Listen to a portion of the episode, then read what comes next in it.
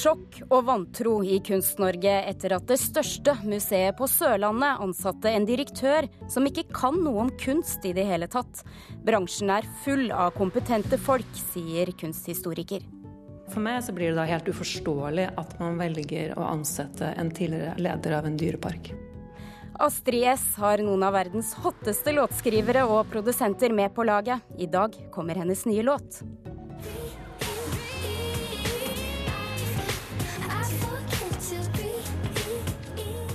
Og skam og selvtillit står sentralt i den aller første sørsamiske spillefilmen noensinne. Velkommen til Kulturnytt. Mitt navn er Stine Tråholt. Ansettelsen av en ny direktør på Sørlandets kunstmuseum har nærmest fått det til å gå i svart for flere kunstnere og eksperter. For direktøren har ingen kunsterfaring og får tre millioner kroner i lønn for å lede museet. Men styrelederen for Kunstmuseet forsvarer ansettelsen av Reidar Fuglestad, som kommer fra stillingen som sjef for Dyreparken. Han mener nå at direktøren utsettes for hets. De som driver og hetser både prosjektet og ansettelsen av Reidar Fuglestad, de bør sette seg inn i hva det dreier seg om sier Jan Vincent Johannessen om museumsspråket i Kristiansand. Han har vært i hardt vær den siste uka etter at han som styreleder ansatte direktøren for Dyreparken i Kristiansand som den nye direktøren for Sørlandets kunstmuseum. Reidar Fuglestad heter han, og er helt ærlig på at han ikke kan noen ting om kunst. Selv om jeg ikke kan noe om dette selv, de som er fagfolka, de vet hva som driver dette fram. Men han trenger ikke å kunne noe om kunst, sier styreleder Johannessen. Det viktigste i jobben er nemlig å få bygget om en gammel silo på brygga i Kristiansand om til et storslått museum som skal romme en enorm kunstgave Kristiansand kommune har fått av en rik sørlending. Hvis ikke vi får opp den grunnsiloen, så er det ikke noe sted å henge bildene. Så det som Reidar Fullestad skal gjøre, det er å realisere dette, få organisasjonen til å jobbe sammen og en kunsthistoriker jeg vet iallfall ingen som ville kunne få til dette her. Og det er akkurat slike uttalelser som har provosert Kunst-Norge. Det sitter veldig mange eh, svært kompetente mennesker, fagmennesker, som kunne ha hatt god lyst på denne jobben. For meg så blir det da helt uforståelig at man velger å ansette en tidligere leder av en dyrepark. Sier Marit Påske, som nettopp er kunsthistoriker. Og hvis behovet for eh, en byggherre er så sterkt, så kan man jo lett løse det ved å leie inn en entreprenør. Hun får støtte av den kjente kunstneren Marianne Heier. Den store og grove feilen her er at man gir fullstendig etter for en forståelse av kunst som redskap for andre interesser. Så at Målsetningen for denne ansettelsen er jo ikke å lage et relevant kunstfaglig tungt museum, men å skape en turismedestinasjon. Det er en helt annen sak. Men hjelper det ikke at Sørlandets kunstmuseum sier at de skal ansette en kunstnerisk leder i tillegg til direktør Fuglestad? Jo, det får man jo håpe at det gjør. Selvfølgelig må de ha inn noen som kan kompensere for denne uvitenheten. Men det er jo helt tragisk at denne prosessen har kommet så skjevt ut. Fuglestad er en glimrende leder. Han har lavt eh, Dyreparken i Kristiansand til den største destinasjonen på hele Sørlandet. Sier styrelederen for Sørlandets kunstmuseum. Veldig mange av de andre er jo mest snakkere, men han er en som er en duer, og han er en kjempegod leder. Og så vet han hva han kan og hva han ikke kan. Og det han ikke kan, er nå kunst. Og der stoler han selvfølgelig på våre folk, og vi kommer også til å ansette en kunstnerisk leder. Reporter i dette innslaget, Petter Sommer. Kulturkommentator Agnes Moxnes, er dette hets, eller er det rimelig kritikk? Jeg vil si at dette først og fremst er to inkompatible syn på verden. For jeg tror nesten ikke det er noe som kan hisse opp kunstnere mer enn måten styrelederen ved Sørlandet kunstmuseum, Jan Vincens Johannessen, eh, og den nytilsatte direktøren på Dyreparken, Reidar Fuglestad, snakker på om det nye museet. Altså De understreker ord som kunstdestinasjon, næringslivsdriver, og at utsikten fra toppen av dette nye, denne kunstsiloen, 43 meter over eh, havet, at den utsikten er viktigere enn bildene i siloen. Og så er det jo det faktum da, at denne direktøren da skal få en svimlende lønn på nesten 3 millioner kroner, og det er langt mer enn statsministeren. Og det tror jeg minner kunstnerne om at det er et næringsliv her i bakgrunnen som de føler seg veldig fremmede overfor. Og Jeg ser da at uh, Sørlandets kloke og, og, store kunstner Leonard Richard han skrev i Fedrelandsvennen i går. Og da definerte han denne retorikken fra Johannessen og Fugle og, eh, og Fuglestad eh, som en eh, pompøs klingklang. Så her tror jeg rett og slett at Parresten, Johannessen og Fuglestad har gjort seg selv en språklig bjørnetjeneste. Men en sjef for et kunstmuseum kan vel gjøre en god jobb selv om han ikke kan noe om kunst? Ja, eh, absolutt. Og et godt eksempel på det her i Norge, det er jo Munch-museets direktør Stein Olav Henriksen. Han fikk masse kritikk, og han ble også grundig hetset, det må man si, for at han ikke var kunsthistoriker da han fikk den viktige jobben. Eh, men det han har vist for all verden, eh, ved å tenke målrettet og ansette flinke fagfolk rundt seg, det er at eh, han har klart å bygge et museum som det lyser kvalitet av. Og det er iallfall helt, helt sikkert at det blir ingen turistmagnet av et dårlig drevet kunstmuseum. Og så ser jeg at flere av kritikerne her mener at dette er en typisk høyre-måte å drive kulturpolitikk på. Er du enig i det? Altså, Så vidt jeg kan huske, så har lokalsamfunnets ve og vel vært hovedargumentet bak adskillige kulturhusbygg her i Norge.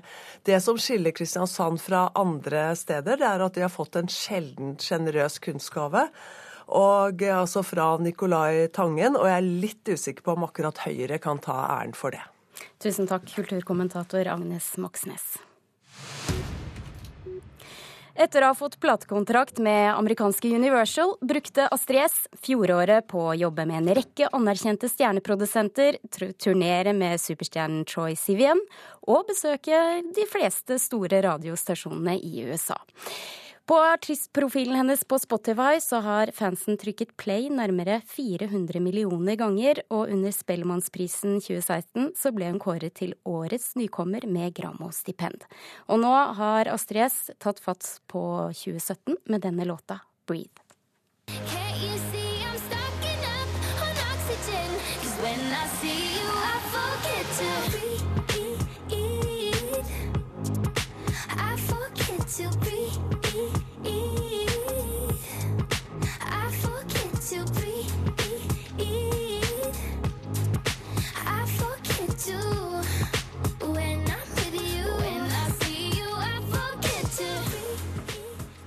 Velkommen til Kulturnytt, Astrid Smeplass. Tusen takk. Hva slags låt har du laget her? Du, det er en eh, hva skal jeg beskrive det? catchy poplåt, vil jeg si. Som handler om å være forelska og ja, miste pusten, da. På en måte. Og så har du fått litt drahjelp av en rekke kjente produsenter. Hva, hvordan har det vært å jobbe med dem? Eh, det har vært veldig spennende. Og man blir veldig fascinert, eh, i hvert fall jeg, da, over produsenter og låtskrivere som gang på gang klarer å lage store hits og bare, ja, rett og slett fantastiske låter. Jeg bruker å spørre dem hva de spiser frokost. hva får du som svar da? hun ene hadde sånn at hun, hun drakk avokadosmoothie hver morgen. Så sist gang jeg var lei, så siste uka så drakk jeg avokadosmoothie til frokost. Jeg kan bekrefte at det ikke funka. Eh, men vi får se. Eller det får jo den låta her bevist. Da. Kanskje det er det som er eh, tingen. Og vi får nevne det at Produsentene du har samarbeidet med, har eh, tidligere jobbet med Rihanna, Ellie Golding, Adele og Katy Perry. Eh, nå låta di nå slippes i dag, så følges det av dine fans over hele verden. Og pga. tidsforskjell så har den allerede vært ute i Australia en stund. Hvor mm. mye følger du med på den responsen som kommer umiddelbart? Jeg sitter uh, I hele går så var jeg på mobilen, og nå rett før jeg kom hit, så står jeg konstant på mobilen og følger med på Twitter og Instagram og, og Snapchat. Og det er veldig spennende, og det er veldig kult at man kan liksom med sosiale medier da, uh, få med seg de reaksjonene og være så tett på fansene. Det syns jeg er veldig kult. Ja, Og hva skriver de nå? Nei, de skriver bare De siterer låta. Får du bare skryt, eller? ja, jeg tror ikke jeg har sett noe negativt om låta. Så du har en veldig trofast skare. Men hvordan tar du vare på de? Jeg tror bare det jeg gjør, er å være tilgjengelig for dem. Eh, jeg snakker med dem veldig ofte, svarer dem på meldinger. Eh, alle postene jeg gjør, er jo på en måte retta mot dem og, og det, den interne humoren vi har sammen. Um, så jeg tror det, ja. Og så har jeg jo gitt dem pizza, kakao og sånn, da. Ja, Er du veldig bevisst på hvordan eh, du er på sosiale medier? Jeg tror jeg på en måte ubevisst er bevisst, kanskje. Eh, det er noen ting jeg velger å ikke poste, og så er det andre ting jeg velger å fremme, da. Um, Hva velger du å fremme? Jeg tror min approach er at jeg har lyst til å ha litt sånn ja, At jeg skal være litt mer lettbeina, da. Og heller litt mer morsom vri på ting jeg legger ut. Eh, og at eh, jeg får vist at jeg ikke tar meg sjøl så veldig høytidelig, da. Mm. At uh, man trenger ikke å se fin ut på alle bilder, f.eks. Og da, når du får en anmelderdom som i NRK og, og, VG, så vidt jeg har sett i morges, på terningkast fire, hva betyr det for deg da? Vet du, Jeg har ikke fulgt med. Jeg, ikke, jeg visste ikke at jeg har blitt innmeldt på NRK. Jeg fikk med den på VG, da. Um, men jeg følger ikke så veldig med på Det er jo ikke anmelderne lager musikk for. Veldig kult med anmeldelser, men uh, det har blitt litt mer sånn underholdnings- og klikkbasert, syns jeg. At det er ikke alltid det nødvendigvis er konstruktivt og ja, faktisk en anmeldelse på låta. Men uh, det jeg skal sette meg ned og lese etterpå. Og det er veldig kult når det er konstruktivt og saklige og bra anmeldelser. Mm. Så har du fått en pangstart på karrieren din. Et intenst fjorår, får man vel si. Hva sitter du igjen med? Hva klarte du å oppnå? Oi. eh, nei, jeg sitter jo litt igjen Altså, nei, hva sitter man igjen med, liksom? Det er jo bare helt vilt. Og jeg lurer på hvor mange ganger jeg kløp meg sjøl i armen i fjor. Det var veldig mange ganger. Så nei, jeg vet ikke. Det, sånn, eh, det har jo gått over stokk og stein, og mye bedre enn jeg noen gang har trodd det skulle gå, eller håpa på. Så og så får vi se nå hva som venter deg i 2017. Tusen takk for at du kom takk til Kulturnytt. Astrid S.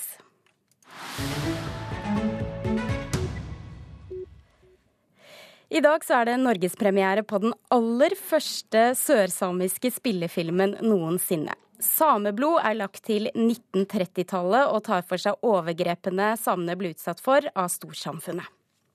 Stå tilbake det du sa. Hva? Stå tilbake det du sa! Om man tenker handlingen, så, så handler det om Elle-Marie som er 14 og går på nomadskolen sammen med sin lille søster på 1930-tallet. Og hun skal snart ta over renskötseln i sin familj. Men istället för att göra det så lämnar hon allt för att få ett annat liv i stan och bli svensk. Det forteller filmskaperen Amanda Kernell fra Umeå i Sverige. I langfilmdebuten 'Sameblod' tar hun for seg overgrepene som samene ble utsatt for på 1930-tallet. I hovedrollen som Elle-Maria finner vi sørsamen Lene Cecilie Sparrok fra Namsskogan i Trøndelag. Jeg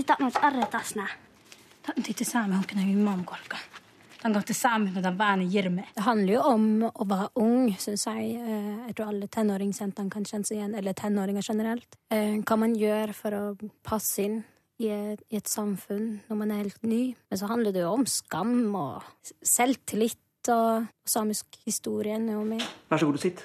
Eller meg, da tar vi av oss kolten. 18,0. Hva skal ni gjøre? Ei sørsamisk ungjente får kroppen oppmålt av en raseforsker.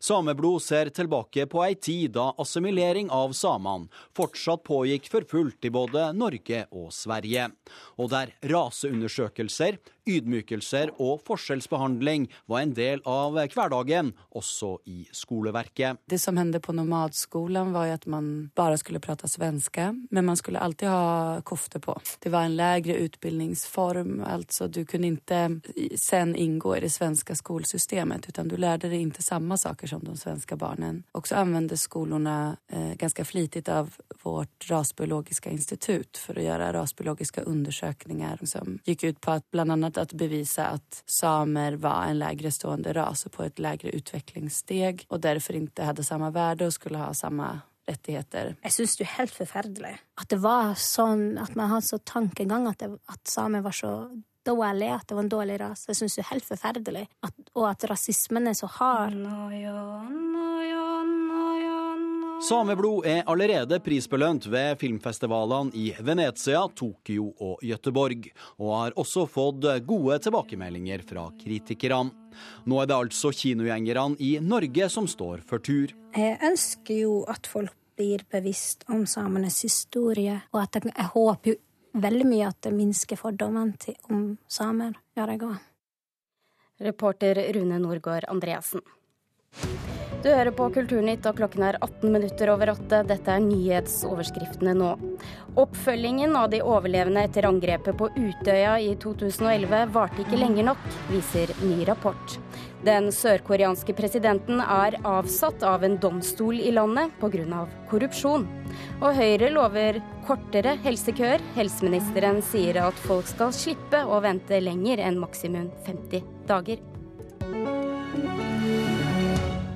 Og da skal jeg få ønske velkommen til Fredagspanelet, i dag ved instruktør Bente Eriksen, forlegger Arve Juritzen, og med oss på linje fra Trondheim, Torbjørn Urfjell, direktør i Produsentforeningen Virke. Hei, alle sammen. Hei. God morgen. God morgen. Vi starter i dag med ukens eh, russelåtdebatt. For ikke før guttene på den ene russebussen hadde beklaget seg og angret for at de laget en russelåt med overgrepstematikk, så kom historien om den andre russebussen med en russelåt som oppfordret til voldtekt. Mediene skjønner ikke humoren vår, sa musikkprodusentene bak låta til Sopranos 2017. Har de et poeng, Arve Juritzen? Ja, de har det. Nei og nei og atter nei. Og Torbjørn Urfjell? Nei. De har ikke det, altså. De har ikke det. Nei. Fortell Proble hvorfor. Nei, Problemet er nok større enn uh, umodne russelåtsfabrikanter som har litt for lite kreativitet, at de bare kan fikse det med å, å bruke andre ord. Jeg ble så utrolig glad å høre Astrid Smeplass her i stad snakke om, uh, om, det med å, å, å drikke avokadosmoothie og, og, lage låter på, det, på, det, på, den måten. Men skal vi ta ungdommen vår på alvor, så er vi nødt til å, å forklare at man ikke får ansvarsfrihet med å ikle seg rød eller blå kjeledress. Eh, og eh, det er ikke russetida i seg sjøl det er et problem, men det er russebusskulturen. Og det å ta et oppgjør med, med en kultur der det greit å trakassere hverandre gjennom uh, noen uker der du skal konsolidere tolv års skolegang. Det går ikke lenger. Det må men, vi få slutt på. Men du, alvorlig tatt, det er jo, altså En ting er lettlurte russ, men disse produsentene, hallo, hva Tenk deg hvor lettjente penger dette er, og noen gjør alt for å tjene penger. Jeg syns at det er det som er irriterende. Jeg syns det er spekulativt, jeg syns det er skruppelløst. Jeg synes det er, altså Hva slags kvinnesyn har de folka, liksom?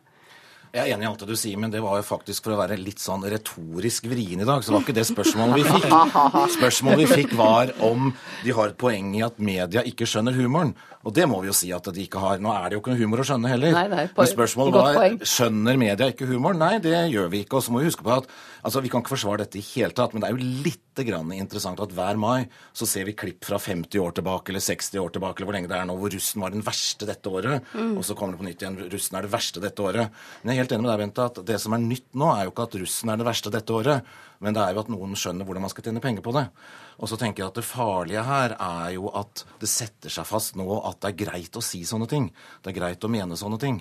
Men når uh, ungdommen selv ser på dette som en sjargong, humor, dette er ord som ikke har en verdi, hvor de mener men, men, men har de ikke nettopp alvorlig. trukket dette tilbake, russ, denne russen? Den ene har, russebussen ja. gjorde det. Men eh, de hevder jo det at dette er en sjargong, og det er en type humor. Ja, er det de voksne da som blir litt for pekefinger? Til det ja, hele? Det er jo voksnes jobb da, å ha pekefinger. Jeg bor en tenåring hjemme nå, og jeg må jo forklare disse tingene. Og da er jo det min jobb. også, å gå verden videre. Hvordan oppfatter hun det? Nei, altså nå er heldigvis akkurat så vidt toucha 13-årsalderen, så, men, så nå begynner hun å skjønne en del av disse engelske ordene på alle disse rappelåtene. Jeg har vært litt sånn fri fra det ja, en stund. Ja, Er det egentlig noe bedre? Ikke i hele tatt. Det er mye verre enn mye av dette her, hvis du sitter der og hører på en del av de hitene som kommer. Og altså, en gang syns vi 50 Cent og Eminem var grusom. Hør på av det som kommer nå. Det er jo så seksualisert. Eh, Nå er det på norsk, og derfor blir det enda verre. Så her må vi foreldre trå til, og så er russen det verste sikkert i år også. Nei, men de gjør ikke det. men de kan, Det er bare en liten gruppe her. Det er russebusskulturen. Og verken de eller disse produsentene kan gjemme seg bak humor. Det som jeg tror er viktig å få slått fast, er at russelåtprodusent det er en særnorsk yrkesgruppe. Og det er ei av få yrkesgrupper vi slettes ikke trenger i landet. og Det er helt enig. Hva slags selvbilde har de folka inn på nettsidene til det som heter Solguden og mannen? Hallo, er det humor det òg, liksom? Uh, eneste som var bilde av, var en mann med dollartegn i øynene. Humor. Nå er vi gamle her, altså. Ja. Men eh, jeg skal ikke forsvare dette. Men jeg kjente meg veldig gammel her akkurat nå. Og krass. Vi får eh, hoppe videre til neste tema. For kommentator i Stavanger Aftenblad, Sven Egil Omdal, hevdet denne uka at innvandringsministeren Sylvi Listhaug bruker et kors rundt halsen på en kristenkonferanse for å få støtte for sitt eh, politiske syn. Og Listhaug hun repliserte at Omdals innlegg var et bevis på en lengre tidsjakt på henne som person. Er det hets? Ja. Nei. Nei. Jøss, i alle dager. Nei, så klart, dette, er en, dette er ikke bare en hets, men det er en utrolig kjedelig hets. Og Jeg må si at eh, jeg syns mediene nå er innmari Altså Det er litt kjedelig nesten å se på mediene for tida, fordi at de finner seg en hakkekylling, og så er det om igjen og om igjen og om igjen og om igjen. og om igjen. Noen ganger heter hun Listhaug, andre ganger er det Donald Trump, og så er det liksom det samme om igjen og om igjen. Og jeg tenker at, altså, Omdal er jo en fyr jeg har stor respekt for, men dette virka jo helt som å være en eller annen eh, bakrusmening som jeg syns er utrolig dum. Og som jeg sier, uten at vi snakker politikk, jeg må si at jeg er imponert over at noen som Listhaug orker å stå i den uendelige kritikken som hun får, ikke på fag, men på den personen der. Og det er klart, dette syns jeg er et utrolig lavmål. Det er klart det er fag. Det, eh, det Omdal har gjort seg skyldig det er dårlig telling. Men, han har jo Men det var ikke rett. så veldig dårlig. Ti Nei. av 800, liksom. Ja, men Det d- blåser jo mange ganger å bruke korset. Spørsmålet er om Listhaug bruker korset som et politisk symbol, og der har han jo helt rett. For Ja. Listhaug er jo vanligvis opptatt av at folk ikke skal bruke religiøse symboler i offentligheten, nettopp fordi at disse symbolene har veldig har stor forklart, politisk hun har forklart at dette betyr noe annet for henne. Og det er veldig mange som bruker korset i en annen mening enn Sorry, en kristen sorry. mening. Så, så nå er det jo i kø av hakkekyllingene her. Altså. Nei, Bente Eriksen, du står og sitter Ja, ja, litt her. Kom, men kom med Jeg det. syns at dette her er en Altså, dette er en spissformulering. Og hvem vant norgesmesterskapet i spissformuleringer i fjor og i forfjor? Jo, det var nettopp Sylvi Listhaug, tenker jeg. Hennes beskrivelse av at dette er liksom det mest nedrige av personangrep, det er også en spissformulering. Jeg skjønner godt at hadde reagert reagerte. Jeg skjønner at han begynte å telle bilder med kors, og så bomma han med ti, liksom. Men, men hun sier jo selv at hun Det er ganske sterkt at du som kvinne tillater en sånn type kritikk av kvinner av smykker. Men man kan Skal vi begynne å snakke om dine smykker Ja, istedenfor faget gjerne ditt? det. Jeg snakker det ikke om tull, kvinne, altså. jeg snakker om Hun er en kvinne, og hun bruker et Du kan kritisere kvinner selv om man er kvinner. Jeg tenker at Hun sier at hun bruker korset pga. en krevende jobb. Det er klart det er jævlig krevende å, å kaste unger ut av landet. Jeg skjønner godt at hun må ha en trøst. jeg. Listhaug er den mest beregnende politikeren vi har i Norge for tida. Og hun vet veldig godt hva hun gjør når hun òg håner eh, Hareide for at han gikk i Pride-paraden for å stå opp eh, for landet og ofra. Så sorry, Listhaug, det er ikke du som er offeret i denne saken. Er det Åndal, da, mener du? Nei, det er ikke det. Hvem er Eh, offer i det saken, da? Nei, Det er ikke nødvendigvis et offer i den saken her. Man må tørre å diskutere spørsmålet om det er greit å bruke religiøse symboler som politiske symboler, og det mener Listhaug normalt ikke det. eh, Og da må det også gjelde for sitt kors. Jeg syns at det å diskutere kvinners, og spesielt politisk, altså kvinnelige politikeres klær og smykker, der syns jeg er et lavmål. Totalt lavmål. andre- så mye annet er- heller, så mye annet som er viktig. Vi andre forbinder da altså kors og kristendom med nestekjærlighet. Det er ikke noe jeg forbinder med Listhaug. Sorry. Da gjør vi oss eh, kastgivel vi løs, rett og slett, på, på siste tema her i dag. Eh, For de siste dagene så har vi kunnet se større eller mindre kjendiser avbildet i sosiale medier med en genser eller caps på seg hvor det står 'jævla homo'. Og bakgrunnen er en TV-serie og en kampanje som lages her i NRK, der målet er å knuse begrepet som skjellsord. Lar det seg egentlig gjøre? Torbjørn Urfjell. Nei. Bente Eriksen. Nei, men Der trodde jeg du skulle svare ja. Jeg vil si ja. Eh, Jeg må svare nja. Altså, Juritzen, OK, ja. Nei, det er et godt forsøk. altså. Vi har jo sett at fargede har brukt ordet nigger om igjen og om igjen og om igjen. Eh, Og det har vel ikke helt akkurat fjerna det negative rundt nigger. Og det som jeg synes er problemet med jævla homo, er jo at det begynner så tidlig å bli brukt i skolene før jeg tror barn egentlig skjønner hva det er. Så det er på en måte etablert seg som et skjellsord som på linje med andre ord, som man ikke egentlig helt skjønner hva det betyr. Og så vokser man opp, og så får jo dette en veldig negativ betydning. Men jeg syns det er en fantastisk flott kampanje. Det er tøft å gjøre dette her. Men nja er nok at jeg er redd for at eh, det kommer nye generasjoner som tar dette i bruk. Men vi må stå på. Stå på. Og hva kommer ja av, eh, Bente Eriksen? Nei, Jeg syns det er et godt forsøk på å møte folks fordommer, rett og slett. Da. Jeg tenker at eh, Å få folk til å se seg selv. Så jeg ser på dette da Dette kan jeg se på som humor. Og hvorfor Faktisk. er ikke du enig i det? Nei, det er jo erfaringsbasert, for jeg husker jo eh, til over 20 år tilbake til mine første foredrag på ungdomsskole på Sørlandet for å bli kvitt hore og homo som skjellsord i skolen. Og eh, Det kan godt hende at vi har gjort feil eh, i 20 år som har holdt på med det, men jeg tror bare ikke at du blir helt kvitt begrepet, og at du kan knuse det som skjellsord. Det kommer til å være noen om 20 år òg som kommer til å synes det er livsfarlig å bli kalt for jævla homo. Eh, Men jeg syns det er et veldig godt forsøk på å flytte makt. Og det tror jeg du kan gjøre at du da flytter eh, majoriteten eh, over til å være at de syns dette her er kult. Og jeg vil herved da eh, foreta en bestilling av en sånn genser, Ja, Stine. jeg òg. Ja, jeg syns det skal være frynsegode. det, men det jeg kan Nei, si, det er at jeg vet at NRK jobber med Ja. saken. Bestilling er lagt inn herved. Fra meg også. Men, men det å klare å utrydde et sånt begrep som kan virke krenkende for mange, eh, har vi noen gang lykkes ved, med det? Er det mulig i det hele tatt?